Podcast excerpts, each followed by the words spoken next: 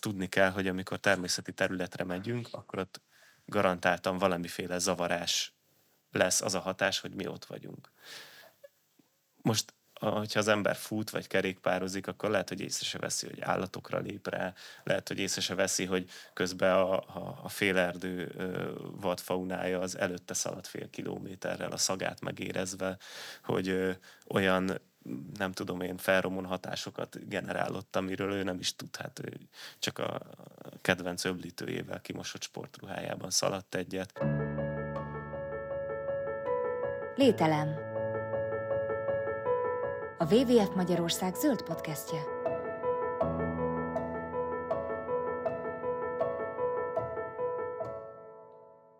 Ez a Lételem, a WWF Magyarország zöld podcastja, a mai adásban pedig egy nagyon izgalmas témát fogunk átbeszélni, azt, hogy mi a természetjáró outdoor sportok viszonya a természet és környezetvédelemmel.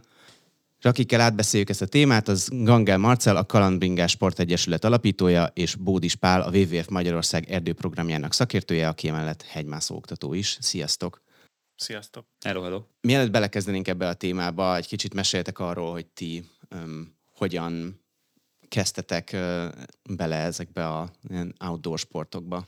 Alapvetően így belenőttünk. Én legalábbis magamról ezt így tudom mondani, hogy a szüleimmel együtt kerültem először természetes közegbe, hál' Istennek, aztán utána a cserkészet és az egyéb érdeklődésem az mindig bent tartott világéletemben valamit csináltam a természetben, legyen ez a futás, biciklizés, később mountainbikeozás, sziklamászás, aztán hegymászás, és ez így is maradt, és valahol a szakmaválasztásom az, hogy erdőmérnök lettem, az is valószínűleg annak köszönhető, hogy igazán a természetben érzem jól magam.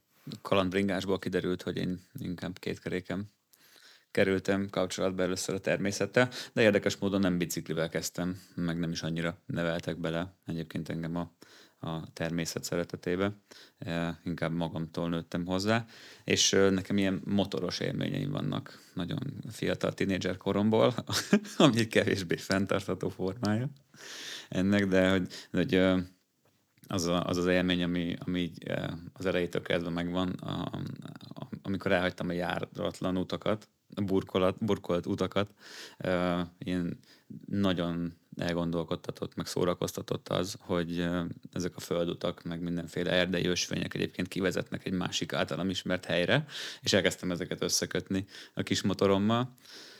Aztán egy hosszú sztori végére kerültem oda, hogy, hogy én állóképességi sportokkal kezdtem el foglalkozni, és a kettőt összekötöttem. Én azóta igazából holdolok ennek, kalandbringázásnak hívjuk, hívom, és, és azóta is ezt csinálom gyakorlatilag. Két keréken sportot űzve kötök össze járatlan utakat. Igen, ezt egy kicsit el tudom mondani, hogy, hogy mit értetek az alatt, hogy kalandbringázásnak hívsz? Hogy ezt hogy kell hogy kell elképzelni? Ha, ha definiálnom kell, akkor ez, amit az előbb mondtam, hogy amire lezártam ezt a gondolatmenetet, hogy, hogy két ismert pont közötti járatlan utaknak a felfedezése, főleg biciklivel. Mm. E, igazából ennek érünk. Ez egy eléggé, eléggé um, népszerű um, outdoor sport, nyugatról gyűrűzik be hazánkba, és mi kezdtük el itthon csinálni. Hívják bikepackingnek, meg gravelbringázásnak, ezek a, a, az új keletű divatos megfelelői, de tulajdonképpen arról van szó, hogy, hogy, hogy, hogy nagyon természetközeli élményeket keresünk bringával, erdőkben, hegyekben, meg olyan területeken, amik egyébként így nem a, nem a, nem a városhoz, vagy az épített infrastruktúrákhoz kapcsolódnak. És ti, akik az ilyen sportoknak, meg hobbiknak nagyon művelői vagytok. Ti, akik az ilyen sportoknak művelői vagytok, hogyan, meg sokat beszéltek is róla, hogyan definiálnátok azt, hogy mire gondoltok, amikor így outdoor sportról beszéltek, illetve van -e ennek valami szép és használható magyar megfelelője? ahogy Marci mondta, ezt az ismeretlen vidékeken keresztül kötjük össze az ismertet. Az összes outdoor sportnak egy tipikus jellemzője az, hogy valamilyen módon hozzátartozik a felfedezés. Ugye ennek a legemblematikusabb formája mindenki által ismert történetek az Antarktisz meghódításától kezdve a hegycsúcsok meghódításáig. Nyilván egy hétköznapi ember ezt másként éli meg, ott inkább a felfedezés szerintem sokszor a saját magunk felfedezése. Tehát, hogy egy átlagember, még magamat is beleértve általában nem olyan helyekre megy a természetben, ahol más még nem járt, hanem olyan helyekre, amiben valahol megtalálja ezt a felfedezés élményt, a természet, tehát ő maga első kézből tudja tapasztalni, másrészt a saját személyiségében is van valami ilyen új ajtónyitogatás szerintem. Én magát az outdoor sport kérdést azt úgy definiálnám, sőt kifejezetten én azt gondolom, hogy kettő része vagy természetben űzött sport. Olyan fura, mert mindenki outdoornak hívja, de szerintem nem szerencsés ez. De hogy az, hogy a természetbe kimegyünk sportolni, az ugye mindig arról szól, hogy ezt a, ezt a tapasztalást, hogy, hogy felfedezzünk valamit, ezt megéljük. És ugye ennek nyilván minél úgymond csupaszabban megyünk oda, annál nagyobb teret adunk hogyha gépesített eszközökkel megyünk, akkor valahol elszigeteljük magunkat, és akkor ennek vannak ilyen átmeneti technikai megoldásai, mint a kerékpár, az outdoor sportruházata, nem tudom, és akkor egészen el tudunk jutni a nudista hidegvizes merülésig, ami meg aztán a megtapasztalás egyik új formája. Nyilván, nyilván én azt gondolom, hogy azt tekintem én magam részéről outdoor sportnak, amikor saját erődből a természet közegében ö, tapasztalsz meg valamit. Én bevallom, hogy nagyon örültem, amikor ö, megkeresett a WWF, hogy ez, lesz ez lenne a következő téma, mert egy, akkor jöttem meg éppen a ilyen túrázós, evezős nyaralásomról, és azt gondoltam, hogy jó, hát ez, ebben most én még ilyen fejben nagyon benne vagyok, de hogy, és hogy ez nagyon érdekel. De én magam például azért csak így az elmúlt pár évben kezdtem el többet járni természetbe, és ezért még ilyen elég noobnak érzem magam ebben az egészben. És, ne, és kicsit van, azt érzem, hogy, hogy hogy van egy ilyen felpörgése ezeknek a dolgoknak, szóval egyre több ember fedezi fel, akik így előtte nem voltak ilyen nagy természetjárók, hogy igazából milyen jó kirándulni, meg és, és um, árasztják el a dekatlont és hasonló helyeket, ahol olcsó lehet uh, kiránduló cuccokat vásárolni.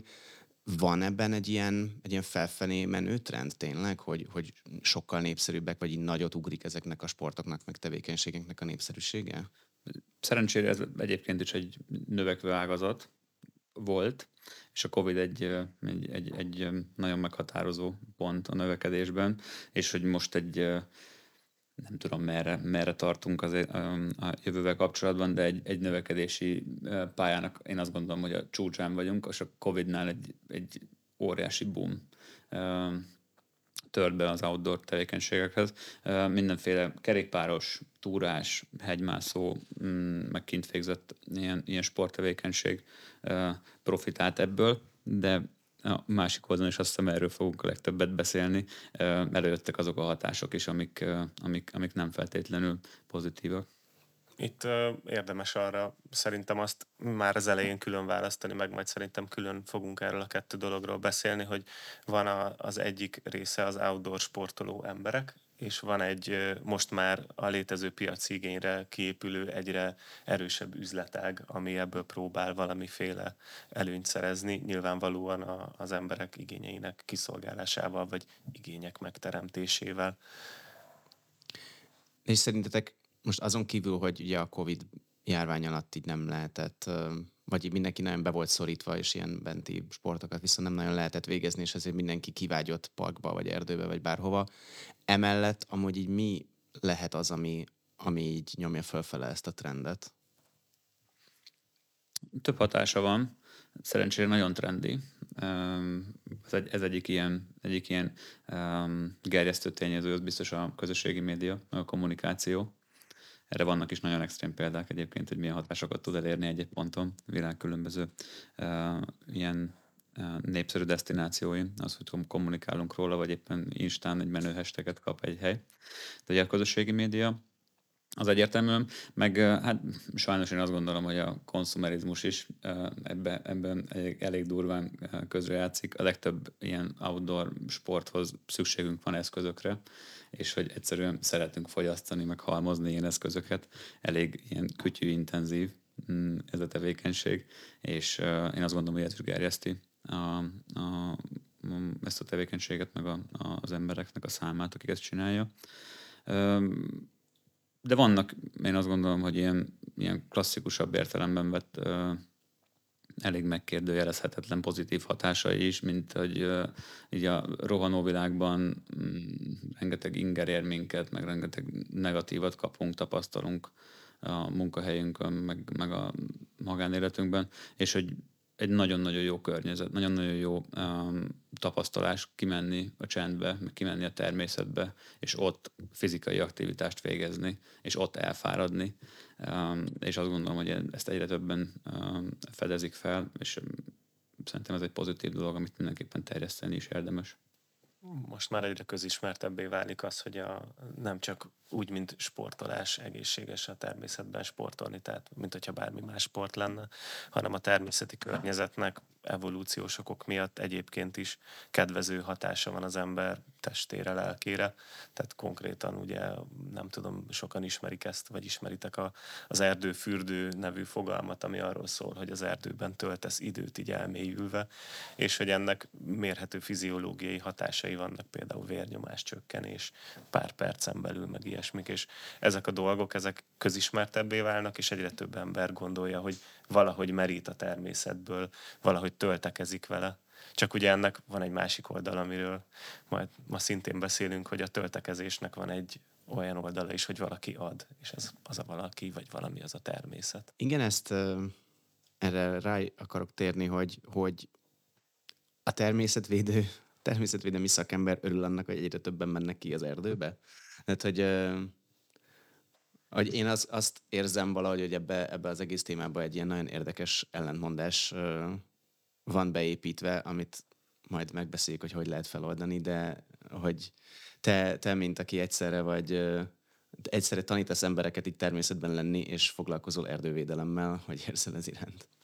Ez egy nagyon érdekes dolog, és igazából mindig próbálom magamban ezt feloldani, többé-kevésbé sikeresen, nyilvánvalóan maradjunk ennyiben, de hogy a lényeg itt az, hogy, hogy igen, bővül ez a, ez a helyzet, emblematikus helyekre, ugye a túlturizmusnak egy ilyen mellék ágaként extrém hatások tudnak összpontosulni.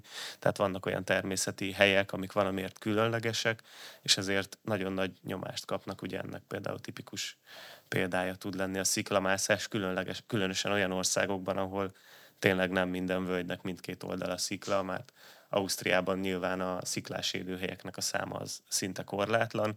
Ott nem annyira fontos az, hogy a sziklamászók milyen hatással vannak a természetre, de például Magyarországon, ahol néhány tíz sziklamászó hely van, ott a, a szikla az nem csak nekünk fontos, hanem olyan életközösségeknek, amik például ebben a közegben találják meg csak a saját életfeltételeiket, és hogyha minden ilyen helyen ott vagyunk, mint sportolók, és mondjuk úgymond a, a megközelítjük és hatásunk alá vonjuk ezeket a területeket, fókuszáltan, ugye kifejezetten ezeket a helyeket keresve, annak nagyon számottevő hatása tud lenni, és ezért is nagyon fontos az, hogy hogy állunk ehhez a környezethez. Én a saját oktatói munkámban pont ezért próbálok arra figyelmet helyezni, hogy amennyire lehet, meg fölhívjam a figyelmet erre. Igazából az a legegyszerűbb, hogy amit az ember nem ismer, azt nem tudja értékelni. Tehát valahol meg kell tanulni azt, hogy nézd már, ez nem csak egy puszta kő, ez nem egy fizikai közeg, amiben sportolsz, hanem, hanem ez egy élőhely, aminek élővilága van, különleges élővilága, amihez hozzátartoznak a nem tudom milyen bíboratkáktól kezdve a kaszáspókokon át a nagyon különleges jégkorszak előtti reliktum növényekig rengeteg minden, ami csak ott találja meg az életfeltételeit. Erre reflektálva én ezt nagyon fontosnak gondolom, hogy a saját tevékenységünkben, amikor eseményeket szervezünk, vagy útvonalakat ajánlunk embereknek, hogy menjenek el és fedezzék fel a, a bármelyik a védett területünket, vagy erdőnket, akkor, akkor az előbb már említett ilyen pozitív hatásokat is népszerűsítjük, és azt mondjuk, hogy menjetek ki az erdőben, legyetek ott aktívak, mi éppen azt, hogy bringázatok ott kint, és töltődjetek fel, csökkentsétek vele a, a, a vérnyomásotok, meg legyetek, legyetek egy kicsit így szabadak, meg teljesedjetek ki gondolatban, de ez mind azt jelenti, hogy vegyetek ki az erdőből, menjetek oda, és ti töltődjetek fel, mert az erdő segít ebben.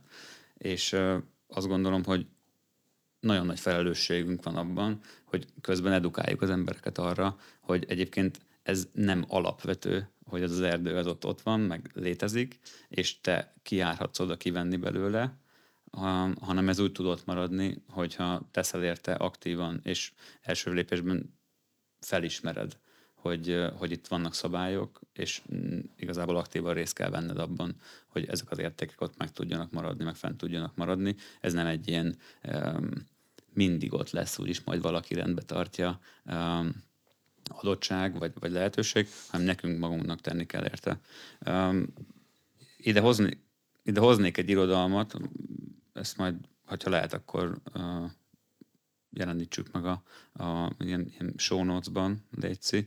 Um, találtunk egy, uh, találtam egy, egy, egy nagyon jó uh, felmérést a témában, egy SEE nevű projekt keretein belül kérdeztek meg 94 ilyen uh, védett természeti területnek a, a, a fenntartóit vagy kezelőit 24 országból, Európából, arról, hogy, hogy milyenek a trendek az outdoor tevékenységben, meg az outdoor sportokban az ő területükön, és az eredeti kérdésre válaszul, itt van egy, egy, egy, egy nagyon beszédes adat, mi szerint a mi szerint 45%-kal megkérdezetteknek, ezeknek a védett területi védett területeknek a menedzsere 45%-ban mondja azt, hogy pozitív a, a megközelítésük a outdoor sportokhoz, 38% semleges, és 17% negatív, negatívan áll hozzá.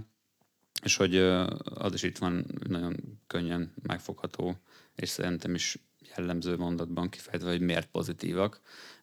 A legnagyobb lehetőség az outdoor sportokkal az az, hogy felhívják a figyelmet a védett területeknek a fontosságára, meg a szerepük, szerepére. Mert azzal, hogy kiküldünk embereket sportolni, vagy azzal, hogy kimennek az emberek, egyre növekvő számban mennek ki oda sportolni, azzal jön meg az a lehetőség, hogy, hogy, hogy beszéljünk nekik arról, hogy egyébként ez mekkora érték. Ja, örülök, hogy nem tudtam a szabadba vágni, mert pont erről szerettem volna én is beszélni, hogy nekünk, mint civil szervezetnek, a WWF Magyarországnak különösen fontos az, hogy legyen olyan társadalmi réteg, aki értékeli a természetet, és nagyon egyértelműen látjuk, hogy a támogatóinknak egy jelentős része az, az outdoor sportoló, természetben sportoló, és így tud nyitott szemmel járni a természetben, és értékelni azokat az értékeket, amiket kap, vagy amiket ő is megpróbál megőrizni. És ez az kell, hogy ismerjed azt, amit valamennyire ismerjed, mert amit nem ismersz, az, az nem, ahhoz nem fogsz ragaszkodni. És ahhoz, hogy hogy ugye ezekre a védett területekre el tudjanak mert tudod, hogy ezek a védett területek meg azoknak az üzemeltetői be tudják fogadni az, azt a sok embert, akik így el szeretnének oda menni, és valahogy ilyen pozitívra kihozni ezt az egyenletet. Mennyire kell ezeknek a védett területeknek úgymond átalakulniuk? Vagy mennyire kell hozzányúlni ahhoz, hogy az hogy néz ki, hogy működik? Alapvetően ugye én azt szoktam mondani, hogyha ezzel kapcsolatban kérdeznek, hogy a természetbe a természetért megy az ember. Nyilvánvalóan mindenkinek van valami elvárása, hogy ő hogy fog ezt hozzáférni, és elég tipikus a mai napig, hogy legyen egy a nagyon érdekes természeti helyhez legyen közel egy parkoló, ahol ő lett meg tud érkezni. Jó, hogyha ott van egy WC, esetleg legyen hozzá egy kis valami kiülőhely, tökörül neki, hogyha erdőbe megy, de azért legyen egy napos kempingezőhely ott, vagy pad, vagy valami, ahol ő napozni is tud. És akkor elindulunk egy olyan irányba, amikor gyakorlatilag az embereknek az ilyen egyéb komfort igényei felszámolják részben azt a természeti értéket, amiért oda megyünk és a, a 20. század, amikor ugye a, a természeti sportok úgy megjelentek, mi, miután azt azért beláthatjuk, hogy az a, nem az alapélet funkcióink föntartásához kell, ez valahol az iparosodással együtt jelent meg, hogy, hogy ö, lehetővé vált társadalmi rétegek szélesebb körének az, hogy sportoljanak valamit, és nagyon hamar a természetben kezdtek el sportolni. Ugye ennek tipikus példája az első ilyen túra egyesületek a 19. század végéről, még korábbról ugye ezek a meg nem mászhatlan hegycsúcsok megmászása. Ahhoz ugye nem kellett infrastruktúra, mert fogtak néhány osztrák zergevadász Cillártából, és akkor azt mondták, hogy kapsz ennyi vagy annyi pénzt a gróf valakitől, hogyha megmászod ezt a hegyet. És akkor kapott ennyi vagy annyi pénzt, és akkor mit tudom én, zászlók lengetésével, vagy a hegycsúcson tűzrakással kellett bizonyítania azt, hogy ő már pedig ott van fönt, és kapott pénzt. Ez ugye nyilván egy elhanyagolható hatás volt, de amikor mondjuk megjelentek ezek a túramozgalmak, és elkezdték a, a magasabb hegyvidékeinket járhatóvá tenni. Például nem tudom, hogy jártatok-e a Tátrába gyalogtúrázni. Ott a, ezekben a hegyi régiókban ö, ilyen nagyon szép járható ösvények vannak, amikor ezeket az óriási sziklatömböket így beforgatják, és azokon egy, egymás után lépkedve könnyebben tudsz ott haladni, biztonságosabban. Ezeket a, a Magyar Kárpát Egyesület még a 19-20. század fordulóján kezdte el építgetni, és nekünk ez szuper, de ott ezzel már elkezdték módosítani a természetet, és hogyha ennek a, a csúcspontját nézzük, akkor, akkor én azt hiszem, hogy az egyik legextrémebb példa az a, az a síparadicsomok kérdése, ahol, ahol hegyek oldalában adott esetben akár 100 kilométernyi pályarendszer van kialakítva, ami nem csak arról szól, hogy oda leesik a hó, és te tudsz ott síelni, hanem általában a teljes hegyoldalaknak a domborzatát átalakítják azért, hogy az sípályának ideális legyen. Óriási felvonó rendszereket alakítanak ki, amik nagy energiaigényel extrém mennyiségű embert visznek föl a hegyre, akik maguktól nem tudnának oda menni. Nyilván ugye ehhez egy óriási turizmus kapcsolódik, óriási hatással, de ez egy tipikus ilyen, én ezeket bemerem kategorizálni ilyen old school outdoor sportnak, ami gyakorlatilag a természetbe jársz, kielégíteni egy igényedet, amihez a létező összes hozzáférhető infrastruktúrát igénybe veszed. És akkor megjelentek azóta, ahogy nem csak én gondolom, fölismertük azt, hogy azért lehet jobban is élvezni a természetet úgy, hogy közelebb kerülsz hozzá, és akkor a, a, a, ezek a kisebb zavarást jelentő sport irányzatok egyre szélesebb körben elkezdtek terjedni, akár a, a, egy ilyen klasszikusabb példa a vándortáborozás, vagy egészen nagyon haladó irányba, akár a hegymászásban is van erre példa, hogy manapság például a, a hegymászásnak van egy ilyen alapetikai kódex, ami most már több mint 20 éves, a Tiroli Deklaráció, abban ö, alap ként ott van, hogy amennyire tudod, hagyjad érintetlenül a természetet a sportolásod közben, és ennek viszonylag magas etikai sztenderdjeit próbálják például azzal fölállítani, hogy amikor fölmászol egy sziklán, akkor nem hagysz ott semmilyen eszközt a falba. Tehát, hogyha beversz egy sziklarepedésbe egy szöget, akkor utána jön utánad a második ember, akivel együtt másztok, és ő kiveszi. Vagy olyan eszközöket használsz, ami már a szögnek a használatát sem ö, igényli, és csak egy vissza, tehát egy, nem, a szikla sérülése nélkül mész, és akkor ennek a csúcspontja az aranyi égcsákány díjazottak közül nagyon sokan úgy másznak föl akár egy kilométeres sziklafalakon, magas hegységekben, hogy csak a, az útvonaluk kulcsrésze után raknak be egy valamit, hogy megjelöljék, hogy ők azt átmászták, az volt az útnak a nehézség, ez bizonyítékként ott van hagyva, de azon kívül nincs a falban hagyva semmi. Tehát, hogy, hogy itt most próbáltam a, a a két végét megvillantani a skálának, de egyértelműen visszatérve az eredeti kérdésedre, én azt gondolom, hogy nagyon fontos az, hogy a természet állapotának a megváltoztatása árán természeti sportokat űzni szerintem a jelenkorban nem helyes. Igen, ez jó, hogy mondtad a, a sí paradicsomokat, mert, mert pont azon gondolkodtam, hogy, hogy nem vezete az, hogy egyre több ember megy kirándulni, egyre több ember megy mountainbikeozni, sziklát mászni, ilyen sportokat csinálni, hogy amúgy mondtad, hogy van egy ilyen infrastruktúra igénye ezeknek a dolgoknak, és ahhoz, hogy egyre több ember menjen meg, egyre ki, kisebb legyen a belépési küszöb, egyre jobban át kell alakítani ezt a környezetet, és akkor végül eljutunk oda, hogy lényegében miközben te így a vad természetre vágysz, egy ilyen egy ilyen erdei játszóteret kapsz lényegében. És ugye a síparadicsom az pontosan ez, amit ugye nem is gondolja senki, hogy ez egy természetes környezet, mert az egy letarolt hegyoldal, de hogy nem vezete minden ilyen valahol el, nem, nem valami hasonló ilyen, ilyen játszóteresedéshez most, hogy ezzel a csúnya szóval éljek, kivéve azt, amikor ilyen nagyon elit mászók föl tudnak mászni, úgyhogy hogy, hogy nem hagynak semmi nyomot. De annak meg gondolom, hogy nagyon, az csak így az ilyen elit elitje. Én, én azt gondolom, hogy ezek az elitek, amiket most ugye így kivételeztünk, de nagyon fontosak ahhoz, hogy formálják azt, hogy hogy állunk egy sporthoz. Ettől függetlenül ez a játszóteresedés is megvan. Ugye ennek eddig most pellengére helyeztem, hogy szerintem a természet átalakítása nem helyes, de hogyha megnézzük azt, hogy Magyarországon mennyi nem átalakított természet maradt, akkor tudjuk azt, hogy nagyon-nagyon kevés. Annak a mértéke, hogy mennyire alakítjuk ezt át, az nyilván különbözik, és egy, egy szántó, ami korábban erdő volt, vagy, vagy rét volt, az, az sokkal jobban át van alakítva, mint ami mondjuk erdőként hagyott, de gazdálkodunk benne, és még az is sokkal jobban át van alakítva, mint egy sziklafal, ahol éppen az ember nem tudott semmilyen hasznosítási formát kitalálni a történelem folyamán, egész addig, amíg el nem kezdtünk sziklát mászni. De ennek van egy másik oldala, amit még egyetemista koromban, mint erdész tanultam. Ott mondták azt, hogy az erdei turizmusnak az egyetlen megoldása az, hogyha kialakítunk ilyen infrastruktúrákat, és úgymond területeket beáldozva ö, oda koncentráljuk azt a fajta használatot, amire egyébként a legtöbb embernek igénye van. Mert azt be kell látni, hogy mi most itt azt mondjuk, hogy fú, de jó, hogy vannak ilyen etalonjaink, ilyen példák, akik, akik úgymond ebbe a leave note rész, tehát hogy ne hagyj nyomot jellegű megközelítésben sportolnak, de a tömeg az játszóteret akar. Tehát, hogy szó szerint valamiféle játszóteret. Ennek a felelős fenntartása is egy szerintem, tehát hogy ezt is lehet fenntarthatóbb és nem fenntarthatóbb módon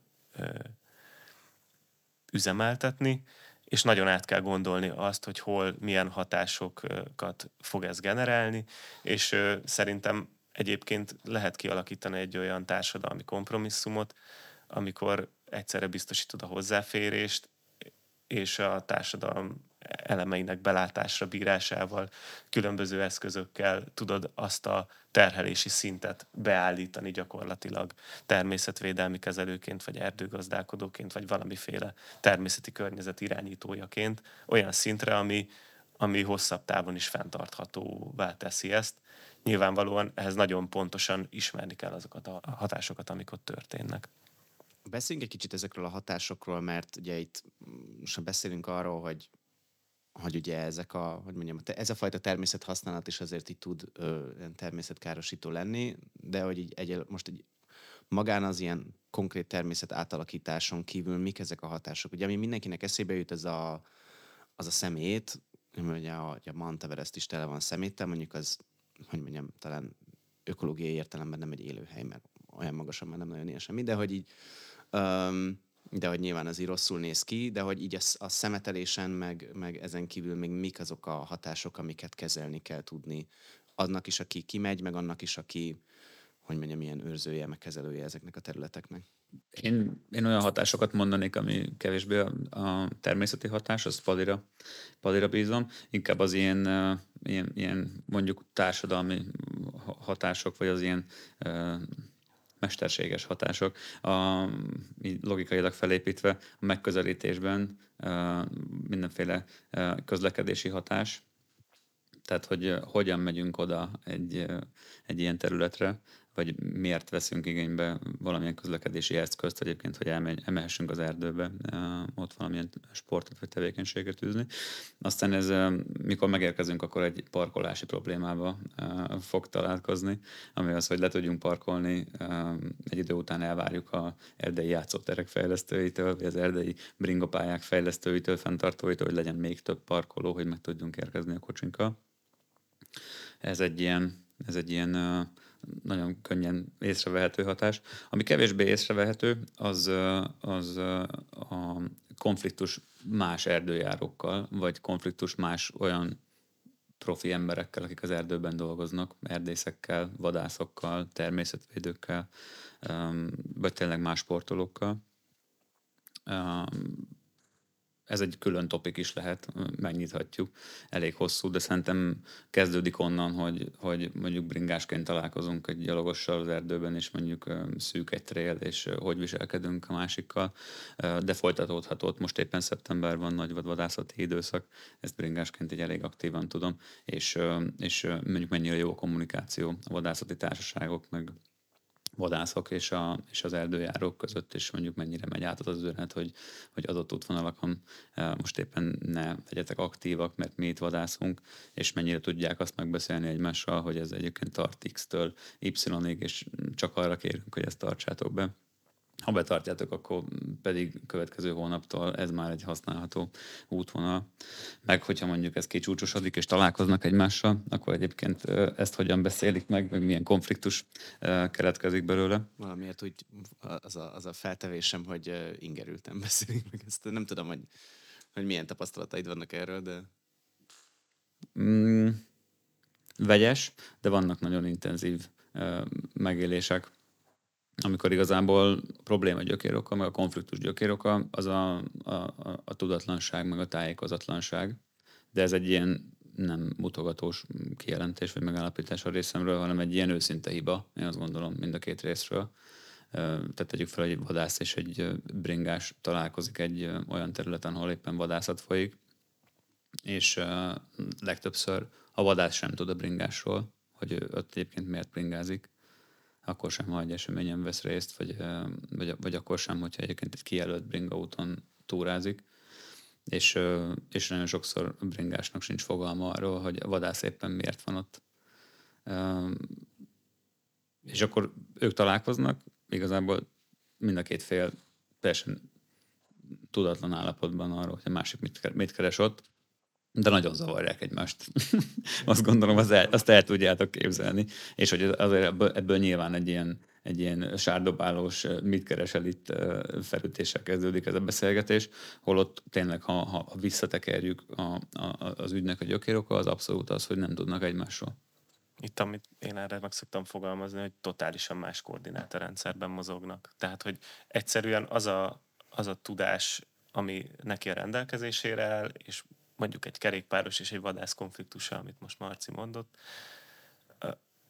ott egyszerűen nincsen közös metszet. Tehát, hogy ugye van ez a klasszikus, hogy nálunk is tipikus, hogy hát az állatokat nem szabad lelőni, mert az, az kegyetlenség, és akkor mellé meg ott van, hogy, hogy ott van a vadász, aki meg mondjuk adott esetben egy hivatásos vadász, akinek ez a munkája, és vadgazdálkodást folytat, aminek a része az, hogy bőgési időszakban kell terítékre hoznia X mennyiségű állatot, meg ezen az időszakon kívül tud vadászni mondjuk szürkülettől pirkadatig, és akkor kell mondjuk a tarvadállomány, tehát ezek a nem trufás nagyvadakból egy adott számot szállítani, amit a vadászati hatóság ír neki elő, és nyilvánvalóan, hogyha ott lépten nyomon sportolókba botlik, akkor ezt nem olyan könnyen fogja tudni előállítani és akkor itt, itt meg is érkeztünk, van egy olasz nemzeti parkos partnerünk, ugye ott egy kicsit így a, ezek a, a természetben űzött sportok még előrébb tartanak népszerűségben, mint nálunk. Most lett az ő, ez a, egy, van egy gipszvonulat, Emilia Romagna tartományban most lett UNESCO világörökség része a terület, egy ilyen lenyűgöző, ilyen sziklagerincek állnak ki ilyen karstbokor erdőkből, csodálatos hely, és azt mondta, hogy az utóbbi időkben az egyik legkomolyabb ilyen sportkonfliktusuk az az, hogy megjelentek ezek a modern LED technológiás lámpák, és éjszaka járnak mountainbike emberek fészkelési időben, amikor ott, nem tudom, ezeken a sziklaszírteken hányféle ragadozó madárnak van a e-, egyedüli élőhelye, és gyakorlatilag konstans éjjel-nappali zavarás alatt állnak az ottani sportolással. Nyilván egy vadászati hasznosítónak ugyanilyen konfliktusai is lehetnek, és annak a sportolónak hogyha nem, tehát abban a környezetben, amikor így leállítod, és akkor azt mondod neki, hogy na most megálljál, tilosban jársz kisbarátom, nem fogod tudni elmondani, hogy, hogy miért jár tilosban, hanem egy, egy, egy gyakorlatilag egy borítékoltan agressziót tartalmazó konfliktus helyzetben kéne valahogy eljutni a közös megértésre, ami nem igazán lehetséges. Ezért is nagyon fontos az, hogy, hogy minden ilyen sportközösség az valahogy elérhető legyen az ott egyéb ágazatok számára, Nyilván ugye ez lehet valamiféle hatósági engedély, nyilván ez lehet sportegyesület, nyilván ez lehet kismillió információs tábla, de tegye fel a kezét az a sok-sok ember, aki minden információs táblát elolvas, amivel találkozik, akár erdőben, akár városban. Szóval, hogy nagyon nagy feladat ez, de én azt gondolom, hogy egyébként ebben lehet haladni, meg lehet tudatosítani ezeket a meccéspontokat.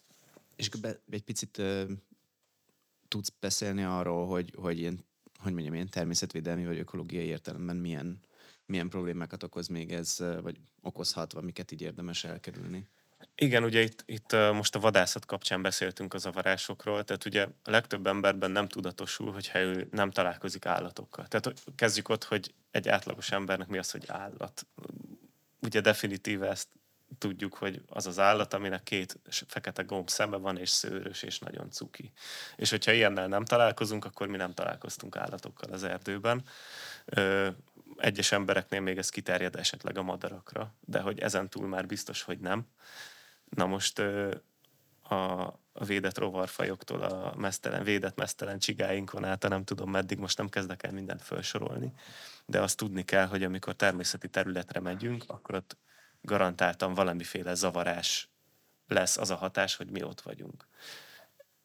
Most hogyha az ember fut vagy kerékpározik, akkor lehet, hogy észre se veszi, hogy állatokra lép rá, lehet, hogy észre se veszi, hogy közben a, a, a félerdő vadfaunája az előtte szalad fél kilométerrel a szagát megérezve, hogy ö, olyan nem tudom én, felromon hatásokat generálott, amiről ő nem is tud, hát ő csak a kedvenc öblítőjével kimosott sportruhájában szaladt egyet. Egészen addig, amit ugye pár éve a Greenpeace mutatott ki, hogy az outdoor sportruhákon ugye nagyon tipikus, hogy vannak ilyen vízlepergető rétegek. Ez a vízlepergető réteg egy, egy ilyen fluoridos, teflon jellegű vegyület, ami lekopik a ruháról, és nem lebomló vegyületről beszélünk, tehát ez csak aprózódni tud és gyakorlatilag nincsen olyan hófelszín a világon, amiről ezt valamekkora koncentrációban ne lehetne kimutatni. És akkor itt a mikroműanyagok témája, hogy az összes ruhánk műanyagból van, és hogy ez ugyanúgy elhasználódik. Ezek mind olyan dolgok, amik, amikkel változtatunk a környezetünkön. És azt belátni, hogy ennek van hatása, az nyilván nem minnyájunknak a közös tudása. Ez én azt gondolom, hogy az utóbbi tíz évben lett egyáltalán téma hogy, hogy, hogy azon kívül, hogy te ott vagy, történik valami. Vagy mondok egy sokkal extrémebbet, ugye az állatokhoz hasonlóan az embernek is van anyagcseréje.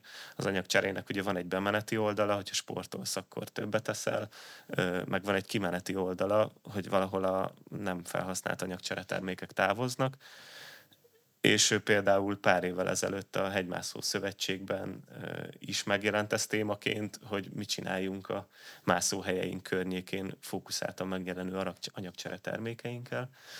És még pár ilyen, ilyen mikroinfluencer is rárepült erre, hogy külön kis ilyen ismeretterjesztő videót, meg anyagot készített arról, hogy, hogy hogy kaki az erdőben, és utána mit csinálja a WC papírral.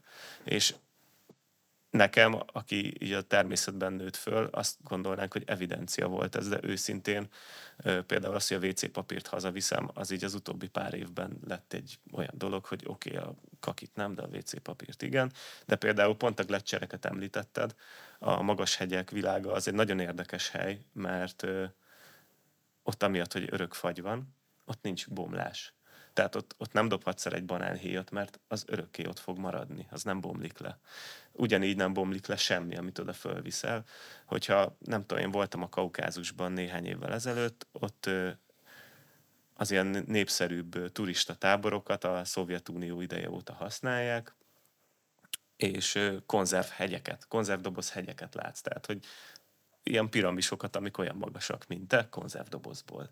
Mert hogy akkor még evidens volt, hogy hát most jó, én följöttem ide, fölcipeltem ezt a sok szart, hát lefele csak nem viszek le mindent. Most nekünk már evidens az, hogyha fölvittél valamilyen csomagolást, kaját, akkor a csomagolást leviszed.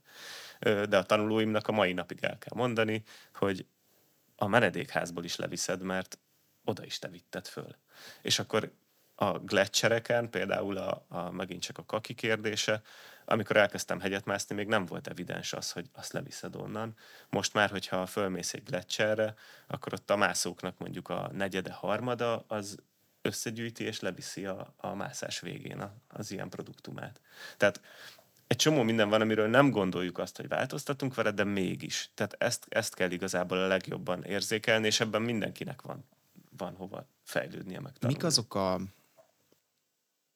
mik azok a lépések szerintetek, amivel, amivel ö, a legjobban lehet kezelni ezeket a, ezeket a problémákat, és, ö, és mennyire, mennyire szükséges ez a kezelés, ez az, hogy ezt a fajta növekedést, vagy növekedését az outdoor sportok népszerűségének korlátozzuk, hogy kitiltsunk helyekről embereket, kijelöljünk olyan helyeket, ahova ne menj, akkor se, hogyha nem tudom, nagyon elit erdőjáró vagy, és nem tudom, Alaszka közepén is elélnél, meg vagy meg bizonyos tevékenységeket korlátozunk, tehát hogy mennyire, mennyire a tiltás az, ami, az, ami egy ilyen szükséges eszköz.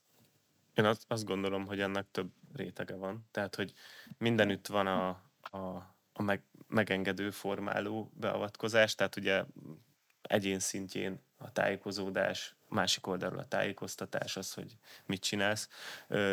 Kezelő szintjéről pedig az, hogy szintén az, hogy hogy alakított ki ott a környezetet, mert azzal is tudod irányítani. És a másik irány a korlátozás az, hogy megmondod, hogy te fiam nem mehetsz oda, vagy esetleg olyan infrastruktúrát építesz, ami megakadályozza azt, hogy oda menjél. És én azt gondolom, hogy nagyon fontos. Tehát erre például tök jó példa a normafának a példája, amiről minnyáján tudjuk, szerintem így többé-kevésbé ilyen Budapest környékén mozgó emberként, hogy, hogy extrém terhelés alatt áll az oda kikapcsolódni járó budapestiek miatt. Egyébként azt nem tudom, hogy csak hányan tudják, de a normafai erdőnek egyes részei Magyarország legjobb állapotú erdői közé tartoznak, tehát pont egyébként azért, mert nagyon hosszú ideje van ilyen rekreációs használat alatt, és nem érinti egy csomó egyéb hatás, ami más erdőinket igen. Erről azt hiszem szó volt a WWF podcastjának egy korábbi epizódjában, amit mindenkinek nagy szeretettel ajánlok. Igen, mindenképpen azt hiszem a Gáhidi László kollégám beszélt erről. Ennek itt most egy mellékvonalát szeretném kiemelni, az az, hogy a Norma fán pár évvel ezelőtt a turisztikai infrastruktúrát ugye fejlesztették, készült ott egy csomó minden, de ennek az egyik eleme az volt, hogy a parkolókat fizetésé tették. És mióta ezeket a parkolókat fizetősé tették, azóta a látogató szám is ugye lejjebb szorult. Most erre lehet azt mondani, hogy ez, ez ugye a természet szempontjából egyértelműen jó. Másik oldalról meg itt jön egy ilyen szociál, szociális vetület, hogy, hogy hát ezzel nem általánosan hozzáférhetővé teszel egy közjavat, ami ott egyébként itt a norma esetében egyértelműen megdől, mert busszal bárki fölmehet. És én azt gondolom, hogy nem kell hozzá szegénynek lenni, hogy busszal menjél. Én is azt gondolom, hogy a, a párbeszéd, meg a tájékoztatás, illetve a tájékozódás a legfontosabb a megelőzés céljából, és a, a tiltás az pedig egy olyan eszköz, ami, ami, ami szerintem szélsőséges, és nagyon-nagyon sok lépés van még azelőtt, hogy, hogy, hogy, hogy, hogy tiltásban torkollik valami.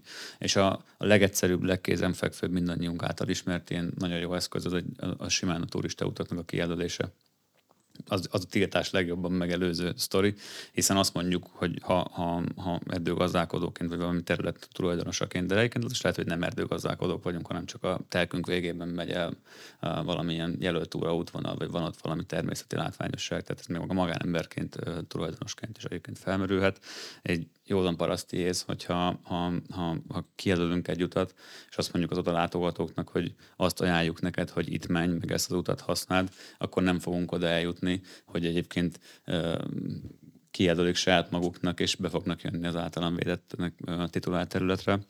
Ergo nem kell nekik majd megtiltanom, hogy mit ne csináljanak. És szerintem ez a legfontosabb. Ez egy pozitív irányba tart egyébként, de nagyon nehéz folyamat, nagyon nehéz ezt kontrollálni. Azt gondolom, hogy, hogy azzal, hogy utakat nyitunk erdőkbe, és rárakjuk azokra az utakra, hogy ez egy gyalogos turista útvonal, eléggé kézenfekvőt meg fog jelenni egyébként másfajta jármóddal közlekedő ember is, biciklis, meg lovas, meg, meg bármilyen egyéb egyéb, egyéb más sportoló, és akkor már rögtön megint egy konfliktusról tudunk beszélni. Tehát ez egy nagyon komplex és összetett dolog, ami, ami, ami most így elsősorban felhasználóként mondom, meg, meg szervezőként, tájékoztatással, meg tájékozódással kezelhető a legjobban. Igen, itt nagyon fontos, hogy a kulcs eszköz ezeknél a sportoknál az a, az a mederbeterelés. Tehát, hogy a, a természetben kikapcsolódó sportoló embereknek a nagyon jelentős része, ahogy mondtam, valamilyenféle biztonságot is keres. És nagyon kevesen vannak azok, akik azt mondják, hogy itt egy tájoló, itt egy izé kisponyva, és nekem ennyi kell ahhoz, hogy túléljek, meg a nem tudom milyen szuperszónikus damaszkolt acél kiskés, ugye van ez a bushcraft néven futó mozgalom, ami ez az erdei túlélés mozgalom gyakorlatilag. De... Én, én azt gondolom egyébként, hogy aki ilyen, sokszor beszéltünk, vagy mondtál olyan példákat, amik azért elég extrémek, aki ilyen, az nagyobb eséllyel fogja egyébként azt is tudni, hogyha magas hegyi környezetben e, folytonos fagynál e, kakilok egyet kint, akkor azt le kell, hogy hozza. Igen. Tehát, hogy, hogy azért ezek az emberek, akik ilyen, ilyen képességekkel e, rendelkeznek, meg mondjuk ennyire tájékozottak, én azt gondolom, hogy feltételezhető, hogy sokkal jobban törődnek is a környezetükkel, és ismerik azokat a megelőzési technikákat, amik szükségesek ahhoz, hogy ott minden úgy hagyjunk, ahogy ott volt ebben lehet bízni, de mindenképpen a, a legfontosabb ez a mederbe terelése a tömegnek, aminél kulcsfontosságú az, hogy, hogy mindenkinek egy ilyen közös közösen elfogadott normája alakuljon ki. Ugye, amikor egy erdőbe bemegyünk, akkor nem tudatosul bennünk az, hogy például ott hány hatóság illetékes, meg tényleg miért is tudatosulna őszintén, de, de hogy például egy, egy erdei turista útnak a kijelölése, az, az sem egy olyan folyamat, hogy, hogy eszembe jut nekem, hogy fú, de jó lenne, nekem ez a kedvenc helyem. Először megjelenik egy ilyen ötlet, utána valaki odarak egy padot, utána valaki sárga szalagokat kötözget a fákra, hát ha elkezdenek ott járni az emberek, és utána már lehet arra hivatkozni, hogy hát ez is lehetne egy turista út igazából, hogy ez például, ahol én lakom a szájon megtörtént, nem lett turistaút egyébként, és nem is bánom, hogy nem lett turistaút, de hogy mindig vannak ilyen igények, sőt, egyik ismerősöm mesélt olyat, aki a illetékes volt ilyen turistautak kijelölése témájában az egyik állami erdőgazdaságnál, hogy volt egy nyugdíjas bácsi, aki a 50 méter szintkülönbséggel kettő turistaút ment, és közte volt még egy erdészeti feltáróút, és éveken keresztül bombázta őket levelekkel, hogy ő már pedig a, a, kettő közé szeretne még egy turistautat, mert az olyan szép hely. És a vége az lett, hogy a bácsi kifestette a turista utat, anélkül, hogy kapott volna erre bármilyen jó elhagyást, és utána meg lekaparták a fákról a turista utat, és akkor így, szóval, hogy itt, itt tényleg arra akarok rámutatni, hogy mennyire fontos az, hogy konszenzus legyen, és pontosan azért fontos az, amit korábban mondtam, hogy vannak ezek a egymástól távol álló koordinátorrendszerek, amik néha össze se érnek, vagy olyan távoli pontokon kapcsolódnak, amiket már nem látunk be. Ezt nagyon örülök, hogy felhoztad ezt a példát, mert pont erre akartam rákérdezni, hogy, hogy nyilván ugye ennek a mederbe terelésnek ugye kell több szereplője van, ugye ez egyik az a hatóság, vagy az ilyen fenntartó, a másik meg ugye a, a sportolók, és hogy itt milyen az együttműködés mondjuk Nyilván ugye hoztad ezt az olasz példát, de hogy Magyarországon, nektek milyen tapasztalataitok vannak, meg Marci, ti ugye szerveztek egy ilyen biciklis versenyt, ami, hogyha jól tudom, átmegy kb. az egész országon. Ott nyilván nagyon sok uh, hatósággal kell uh, uh, kapcsolatba kerülnötök, hogy így milyen ez a kapcsolat a sportegyesületek, meg az ilyen outdoor sportolók, meg, a, meg mondjuk az ilyen nemzeti parki igazgatóságok között? Sajnos, amit Pali mond, azt alá tudom támasztani, szóval hogy nem feltétlenül mindig van közös halmaza, vagy közös metszet ezeknek a halmazoknak. Mm, szerencsére vannak ellenpéldák, de sajnos az van, hogy, hogy sportolóként mi a jellemző, sportolóként sportolókat követünk, meg azokat az ilyen elég nagy eredményeket tartjuk számon, meg azokat a kommunikációkat követjük, amik arról szólnak, hogy hogy lehet gyorsabban, jobban, szebb helyeken, meg, meg meredekebb emelkedőkön felmenni. Mm, és és kevésbé jellemző, hogy mondjuk felmegyünk a valamelyik erdészeti igazgatóságnak a honlapjára, ahol az egyébként általuk oda most már egyre többször megjelenített blog oldalukon elolvassuk a vadászati tilalmakról szóló legutolsó bejegyzést. Tehát ez igaz, elbeszélünk sajnos így egymás mellett, és nekem az a tapasztalatom, hogy, hogy, hogy anélkül, hogy mondjuk erre valaki kimondottan időt szentelne, nem is fog oda jutni ehhez az információhoz. Tehát, hogy, hogy nagyon tudatosnak kell lenni ma Magyarországon ahhoz, hogy mielőtt kimész az erdőbe, tud, hogy melyik pontos fórumokon tudsz tájékozódni arról, hogy mit szabad csinálnod, és mit nem. És azt gondolom, hogy ez, ez, ez mindenképp egy olyan dolog, ahol, ahol felelős kéne tudni tenni a téma mellé. Tehát kinek a felelőssége az, hogy ezeket a halmazokat előbb-utóbb, vagy elsősorban közelítse, aztán majd ütköztesse egymással. Ez egy rendezetlen kérdés. Mm, utána pedig, hogyha mondjuk ide el tudunk jutni, akkor pedig kinek a felelőssége az, hogy, hogy, hogy, hogy, hogy rendszeresen kommunikáljanak egymással a sportolók, a szervezők, meg a, meg a különböző területek kezelői. Sportja válogatja egyébként, hogy ez mennyire működik. Tehát a kerékpársport az tipikus példa rá, hogy egy ilyen elég individualista, atomizált struktúrában működik. Tehát, hogy, hogy nagyon kevés kerékpáros sportoló van, aki aktív részese egy kerékpáros közösségnek, mondjuk én sportegyesületnek. Ugye alapból a, a sport űzésének a lehetőségére is a széles ország a rendelkezésünkre áll, tehát így mehetsz bármerre. És akkor ezért az, hogy mondjuk egy szabályozó elérje ezeket az embereket, az nagyon nehéz erre ugye kulcsként ott vannak az olyan szervezetek, mint a Marciéknak a Kalandbringás Egyesülete, a, akik kiemelkedő ö, hangsúlyt fektettek arra, hogy például a természetvédelmi hatósági, meg erdészeti hatósági engedélyezési eljárásokat lefolytassák, ami Igen. Ne, nem volt egy leányálom, gondolom. Nem, ez nem egy leányálom egyébként, meg én is elgondolkodom rajta, hogy ez mondjuk hogy juttathat ide, hogy most éppen beszélek erről uh, valahol, mert én csak azt próbáltam csinálni, ami le van írva. Igen. De a magyar piacra egyébként jellemző, hogy, hogy, hogy nagyon töredezett, mondjuk ha beszéljünk mondjuk a rendezvényszervezők, vagy ilyen közösségszervezők, vagy sportegyesület irányítók piacáról, nagyon töredezett, nagyon sok kis szereplő van. És azt gondolom, hogy ez egy nagy, nagy probléma, hogy, hogy, hogy kicsi nem profi, sok kicsi nem profi szereplőből áll, tehát sokkal nagyobb az esélye annak, hogy nem lesz időnk mm, tájékozódni arról, hogy egyébként mit kellene csinálni, nem tudunk belepakolni annyi energiát, hogy, hogy, hogy átlássuk ezt egyébként én nehezen átlátható rendszert, hogy fel tudjuk venni a kapcsolatot az összes hatósággal, az összes illetékessel, az összes egyéb előjáróval. Tehát csináljuk azt, ami szerintünk jól működik, a mi kis saját buborékunkba, és, és akkor majd lesz belőle valami, és azért általában ebből az lesz, hogy konfliktus van, meg olyan találkozások, amik itt nem vártak, meg visszautalva, amit előbb mondtunk, ilyen, ilyen őszinte hiba, én tudtam róla, hogy itt vagy.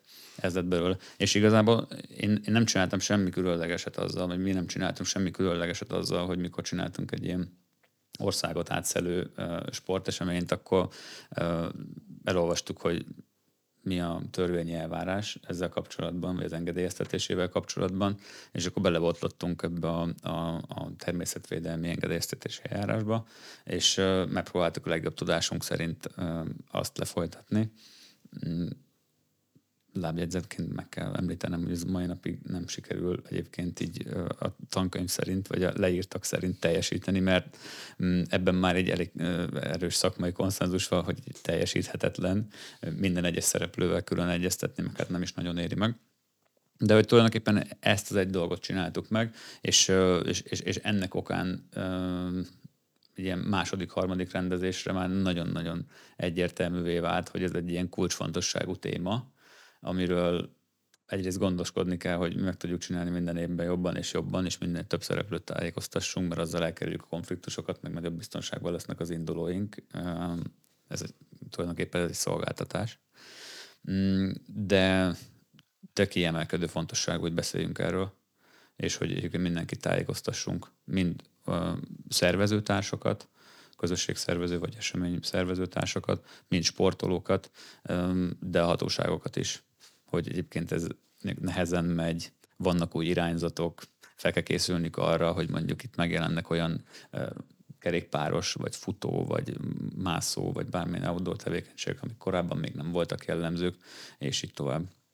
És örülök, hogy vannak ilyen fórumok, meg a saját fórumunkat is felhasználjuk erre, a saját média felületeinket is felhasználjuk erre, hogy erről így edukáljuk a, a, a szereplőket, de hogy én azt gondolom, hogy nagyon-nagyon az út elején járunk. Ha európai példákat eh, nézzünk, a podcastról felkészülés során mm, használtunk ilyen, eh, vagy hát találtam olyan forrásokat, amik, amik, amik szólnak erről, és Palival pont azt beszéltük az adás előtt, hogy, hogy, hogy azok is nagyon újak, nagyon-nagyon új keletűek, hogy ezek a szervezetek tudnak egymással jól dolgozni, meg kommunikálni, viszont már léteznek,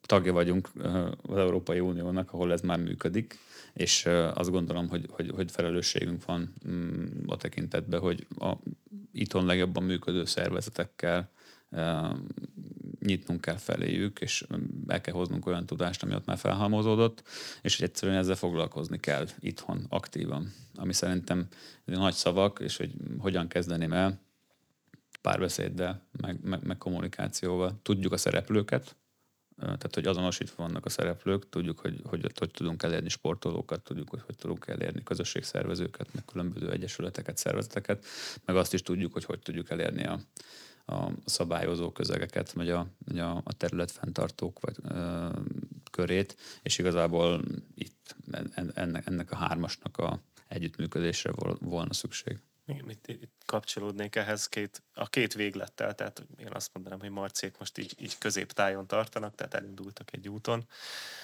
Szintén kerékpáros példa az ilyen gravity, vagy ezek a ereszkedő kerékpározás, hogy egy székely barátom hívja, szóval ezek a lefelé a biciklizés sportágak, például ugye a downhill, az enduro, amik ugye jellemzően olyan nyomokat igényelnek, amik sok esetben még gyalog sem járhatóak, tehát hogy brutálisan meredek, sziklás, köves, ugratók, mit tudom én. Ugye ennek Magyarországon az egyik első megjelenése az a normafán volt, nyilvánvalók miatt, hogy fogaskerekűvel föl tudsz menni, és ezekkel a biciklikkel általában nem tudsz föltekelni a hegyre. Legalábbis az új enduro biciklik megjelenéséig nem tudtál. Viszont a normafa, ugye arról beszéltünk, hogy kiemelkedő természeti kincse Magyarországnak, és a mai napig nem megoldott az, hogy például ezt a kerékpáros közeget, a downhill hogy lehet megszólítani.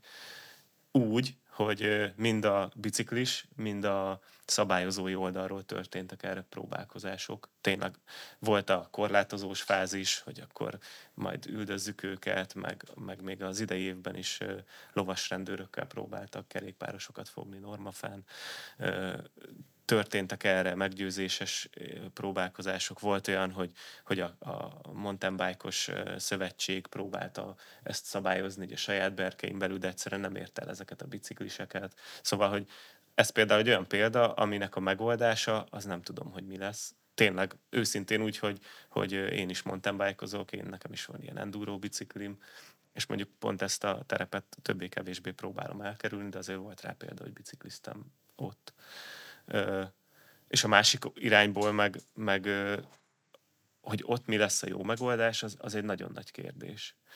A kerékpáros oldalról, meg egyébként a turisztikai fejlesztői oldalról is azt mondják, hogy hát kellenek szabályozott pályák de mai napig nincsenek azok, és én nekem sajnos szintén a biciklis viszonyokat ismerve azt kell, hogy mondjam, hogy attól, hogy vannak legális pályák, nem fognak eltűnni az illegális pályák. Tehát, hogy ettől is maximum azt várhatjuk, amit korábban mondtam, hogy hogy szabályozottabb közeg, hogyha kialakul, tehát valahogy mederbe tereljük a dolgokat, akkor a, az emberek nagy része az ott lesz. És ezáltal a többi helyről elvonjuk a hatást.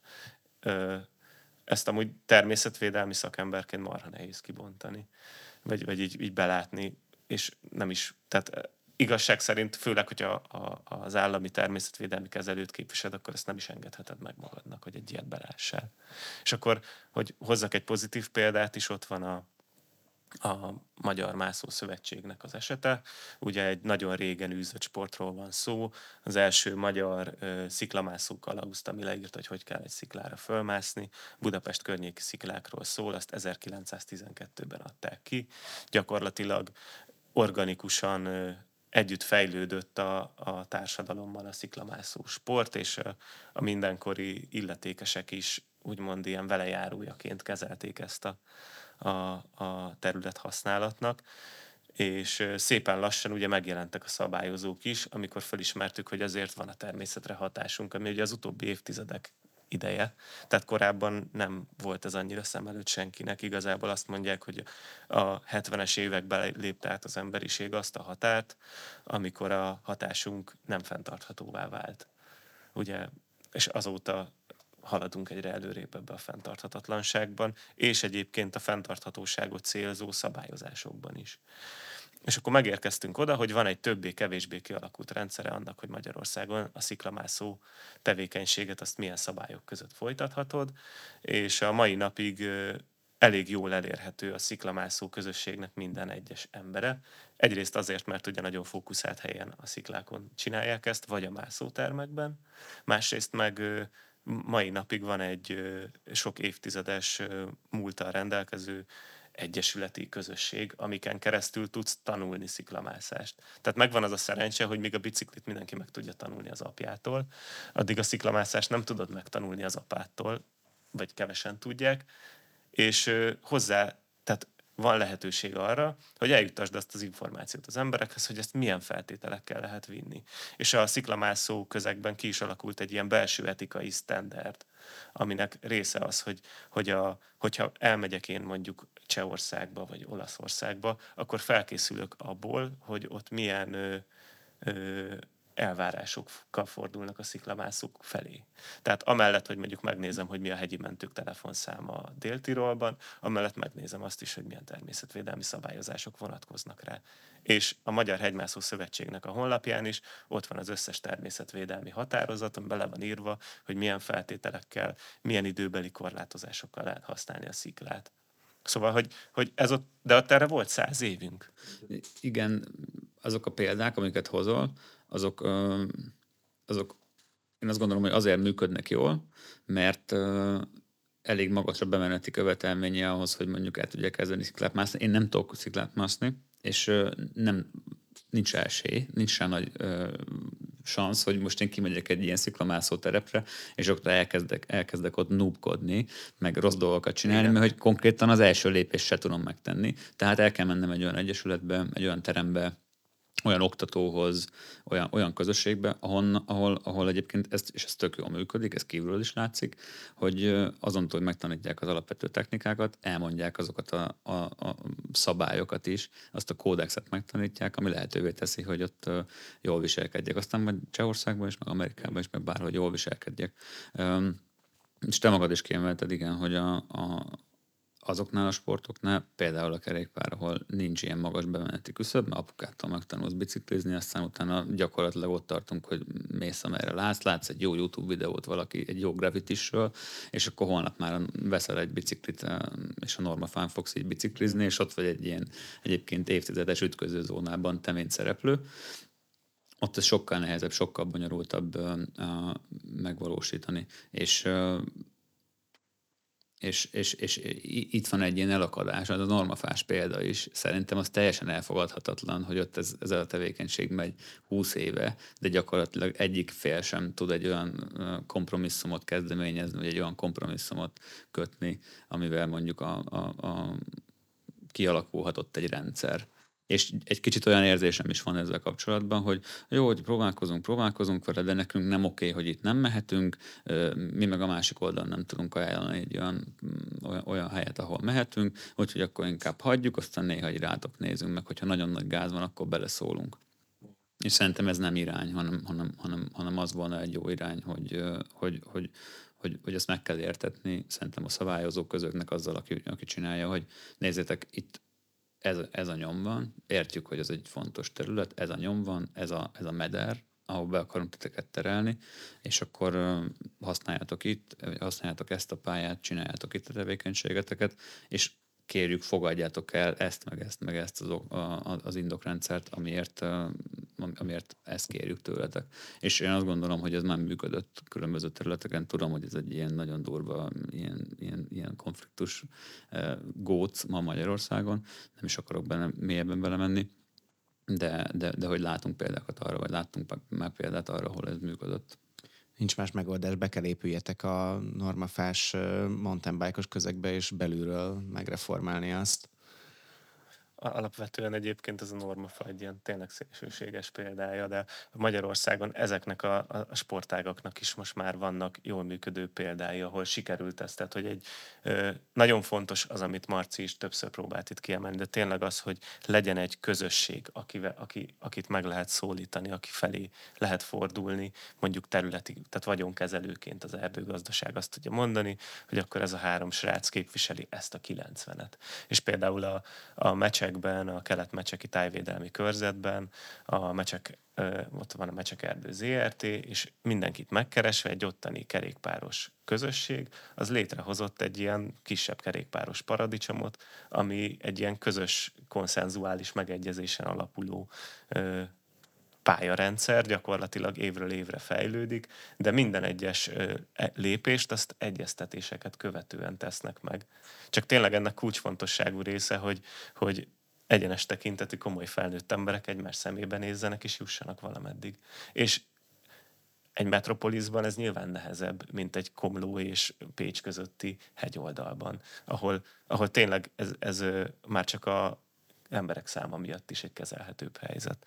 A mászós példához még annyit szeretnék hozzátenni, hogy ott így festettem egy képet, ami rohadt jól nézett ki, de pont a elmúlt évben futottunk abba bele, hogy, hogy a természetvédelmi engedélyezési rendszer az egy ilyen velünk élő dolog, és az összes mászóhelyünknek, aminek van engedélye, és azt, azt minden évben, vagy tehát a, attól függ, hogy milyen a határozat, de megkéri a szövetség a tagjai számára, de aztán elkezd vagy volt egy pályázat, amiben lehetett új mászóhelyeket létesíteni, és a Börzsényben is pályázott egy, egy ottani mászóegyesület, majd ott alapuló, tehát ott ugye a Dunakanyarban egy csomó sportoló költözik ki, ez egy ilyen elég általános jelenség, és akkor körülnéztek ezek a csomó sportolók, hogy fú, hát oké, okay, hogy a Pilisben van mászóhely, de oda mégiscsak háromnegyed órát kell autózni, mi lenne, hogyha itt is találnánk valami sziklát. És akkor találtak egy kőbányát, megkérték rá a természetvédelmi engedélyt, megkeresték a nemzeti parkot, volt terepi bejárás, de az erdőgazdaságot, akinek a vagyonkezelése alá tartozik a terület, senki nem kereste meg, mert hogy nincs olyan magyar mászóhely, aminek erdészeti hatósági engedélye van. mert hogy az erdészet úgy volt vele, hogy ő ott, ahol a sziklák vannak, ő úgyse csinál semmit. A Bükkben, a Mátrában, a Pilisben velünk élő dolog ez, tehát régebben másznak ott sziklát, mint hogy az a, az a cég, azok a cégek ott lennének. Viszont itt egy tök fordított helyzet volt, és akkor itt találkoztunk azzal, hogy ja, hogy az összes magyar mászóhelynek, ami erdőterületen van, kéne, hogy legyen erdészeti hatósági engedélye is. És és akkor gyakorlatilag egy ilyen hallgatólagos, úgymond ilyen jogon kívüli, hagyományon alapuló gyakorlattal működik ez az országban mindenhol, és majd most próbáljuk fölvenni ezt a szövetség oldaláról ezt a fonalat, hogy hogy, hogy lehet ezt kikerekíteni úgy, hogy mindenki boldog legyen. Lassan most már az adás végére kell, hogy érjünk arra kérnélek benneteket, hogy, hogy mondjátok el, hogy ti szerintetek mi az, amit aki meghallgatta ezt az adást, meg aki kivágyik a természetben, rendszeresen jár ki, használja a sportolásra, üzenet, mi az, mi az az üzenet, amit, amit így hazavigyen ebből? Én azt gondolom, hogy a, a, az első és legfontosabb az, hogy tájékozódjunk, nézzünk körül az erdészetek, a nemzeti parkok, a általunk végzett sport legaktívabb egyesületek, egyesületeinek honlapján, kövessük őket közösségi oldalakon, és összedjünk össze minél több infót arról a helyről, ahol kimegyünk, hiszen innen kaphatunk a mm, legjobb, meg leghitelesebb tájékoztatást arra vonatkozóan, hogy most éppen adott helyen mit szabad, mit nem szabad, milyen időszak van, és, és hogyan járunk el jól.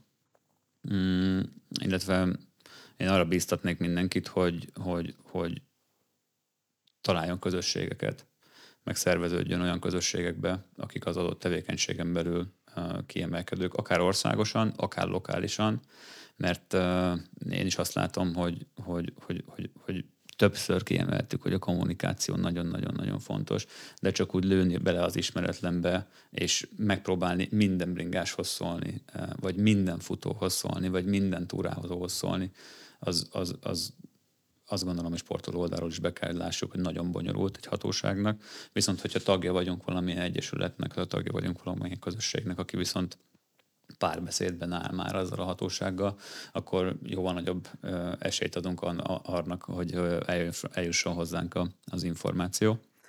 És egy harmadik dolgot szeretnék még mm, behozni, ez pedig az, hogyha ha van bármilyen hatásunk nekünk, mint sportoló, vagy nekünk, mint mikroinfluencer egy kis közösségen belül arra, hogy többiek hogyan csinálják azt, amit csinálnak, tehát hogyha oktatunk akár utánpótlásban embereket, hogyha beszervezünk haverokat, hogyha családi programot szervezünk arra, hogy kimenjünk az erdőre, legyen ez bármilyen kis hatás, vagy ha követnek minket ezeren, ötezren, százezren a közösségi médiában, akkor használjuk ki azt a figyelmet, ami, ami, ami övez minket ennek kapcsán, és ezzel kapcsolatban legyünk felelősségteljesek. Tehát, hogy tájékoztassunk minden embert, akit mondjuk behúzunk ebbe a sportba, e, meg tanítsunk minden embert, akit behúzunk ebbe a sportba, e, és adjuk át nekik azt a tudást, hogy ha nem is, hogy nem is a szentírás, vagy nem is ezt a kódexet, az etikai kódexet, hogy mit kell csinálni, de legalább minimum szinten azt, hogy hol tud tájékozódni arról, hogy hogy kell viselkedni kint a természetben. Hát a, az érintett szervet, tehát itt is ugyanúgy két felé lehet bontani, tehát hogy egyénként mit csinálunk, és mi történik amúgy a, kör, a, a szabályozási oldalon. Tehát az érintett szervezetek oldaláról elengedhetetlen az, hogy, hogy az ismeretterjesztéssel foglalkozzon, és hogy megtalálja ehhez a megfelelő csatornákat, és értse azt, ami ott történik. Ugye ez, ez tényleg az outdoor sportoknál egy ilyen komoly, nagyon komoly kihívás. Tényleg én most Bulgáriában voltam egy munkaúton, és ott hallottam, hogy van olyan sport, hogy sível, vitorlás, tehát ilyen sky ski-nek hívják, hogy egy kis vitorlát használsz, és ilyen szeles fensíkokon húzatod magad. És hogy ez egy sport, és az ottani nemzeti parknak ebben konfliktusa van nyilván, hogyha nem tudod, hogy ilyen létezik, akkor nem tudsz vele mit kezdeni, nem fogod tudni elérni azokat az embereket, nem fogod tudni az ismereteidet terjeszteni feléjük. Tehát, hogy nagyon fontos az, hogy, hogy tudjuk azt, hogy mit akarunk, hogy kihez szólunk, meg tudjuk szólítani, és ezeknek a megértéseknek a, az alapján tudjuk a megfelelően működő szabályozó közeget is létrehozni. Mert látszik az, hogy vannak szabályok, tehát tök jó a magyarországi jogszabályrendszer szerintem természetvédelmi szempontból elég értékelhető. A végrehajtás a kulcs, hogy, hogy azt hogy sikerül úgy végrehajtani, hogy működjön, hogy egy sportegyesület megértse azt, hogy neki milyen hatósági eljárásokban kell részt vennie, hogy ezt el tudja fogadtatni a közösségével, ez nagyon fontos. És akkor van az egyéni szint, ott, ott pedig nyilván ugye ez a, ez a szabályrendszer, amit fölállítunk, ezt meg kell ismerni. Nagyon fontos az, hogy a környezeti erőforrásainkat, ahogy mondtam korábban, túlhasználjuk. Ez valamennyire igaz az outdoor sportok területén is. Tehát el kell azt fogadnunk, hogy vannak olyan területek, amik nem azért vannak, hogy mi ott sportoljunk. Tehát, hogyha azt mondjuk, hogy ez egy tilalmas terület, akkor az ne legyen ördögtől való, hogy azt mi elfogadjuk, hogy, hogy ez nem értünk van, hanem ez a természetért magáért. Én szerintem ennek az elfogadása is egy, egy valahol egy társadalmi norma ö, lesz, és ugyanúgy, ahogy mit tudom én most már amikor gyerek voltam, akkor mindenütt lehetett gördeszkázni, már hogy így nyilván a nénik szóltak, hogy menjél haza, mert ne itt gördeszkázzál, mert tönkreteszed a parkon a patka szélét, vagy nem tudom, de most már így nem látod ezt, hanem elmennek az emberek a skateparkokba, vagy a graffitit legál falakon csinálják, nem az van, hogy az egész körúton nem látod, milyen színűek a házak, hogy ugyanígy megjelenik ez az outdoor sportban is egyre inkább, és, és ezek a normák, ezek ezek erősödhetnek a szabályozó által, és erősödhetnek általunk, mint sportolókkal. És szerintem ez így egy ilyen előremutató dolog. Van egy barátom, aki egy öreg cserkészvezetőt idézget, akinek van egy olyan mondása, hogy hagyd egy kicsit jobban magad után a világot, mint ahogy kaptad. Én szerintem ez egy ilyen tök jó végszó lehet, úgyhogy lenyúlom tőle, és most már másodszor fog elhangozni a WWF podcastban, de, de szerintem ez tényleg a szemeteléstől kezdve a természet használatáig mindenre tök jó. Nagyon szépen köszönöm, hogy itt voltatok, és a hallgatóknak pedig ajánlom, hogy hallgassák meg a Lételem Podcast korábbi adásait, és majd hallgassák a következőket is. Sziasztok! Sziasztok! Hello!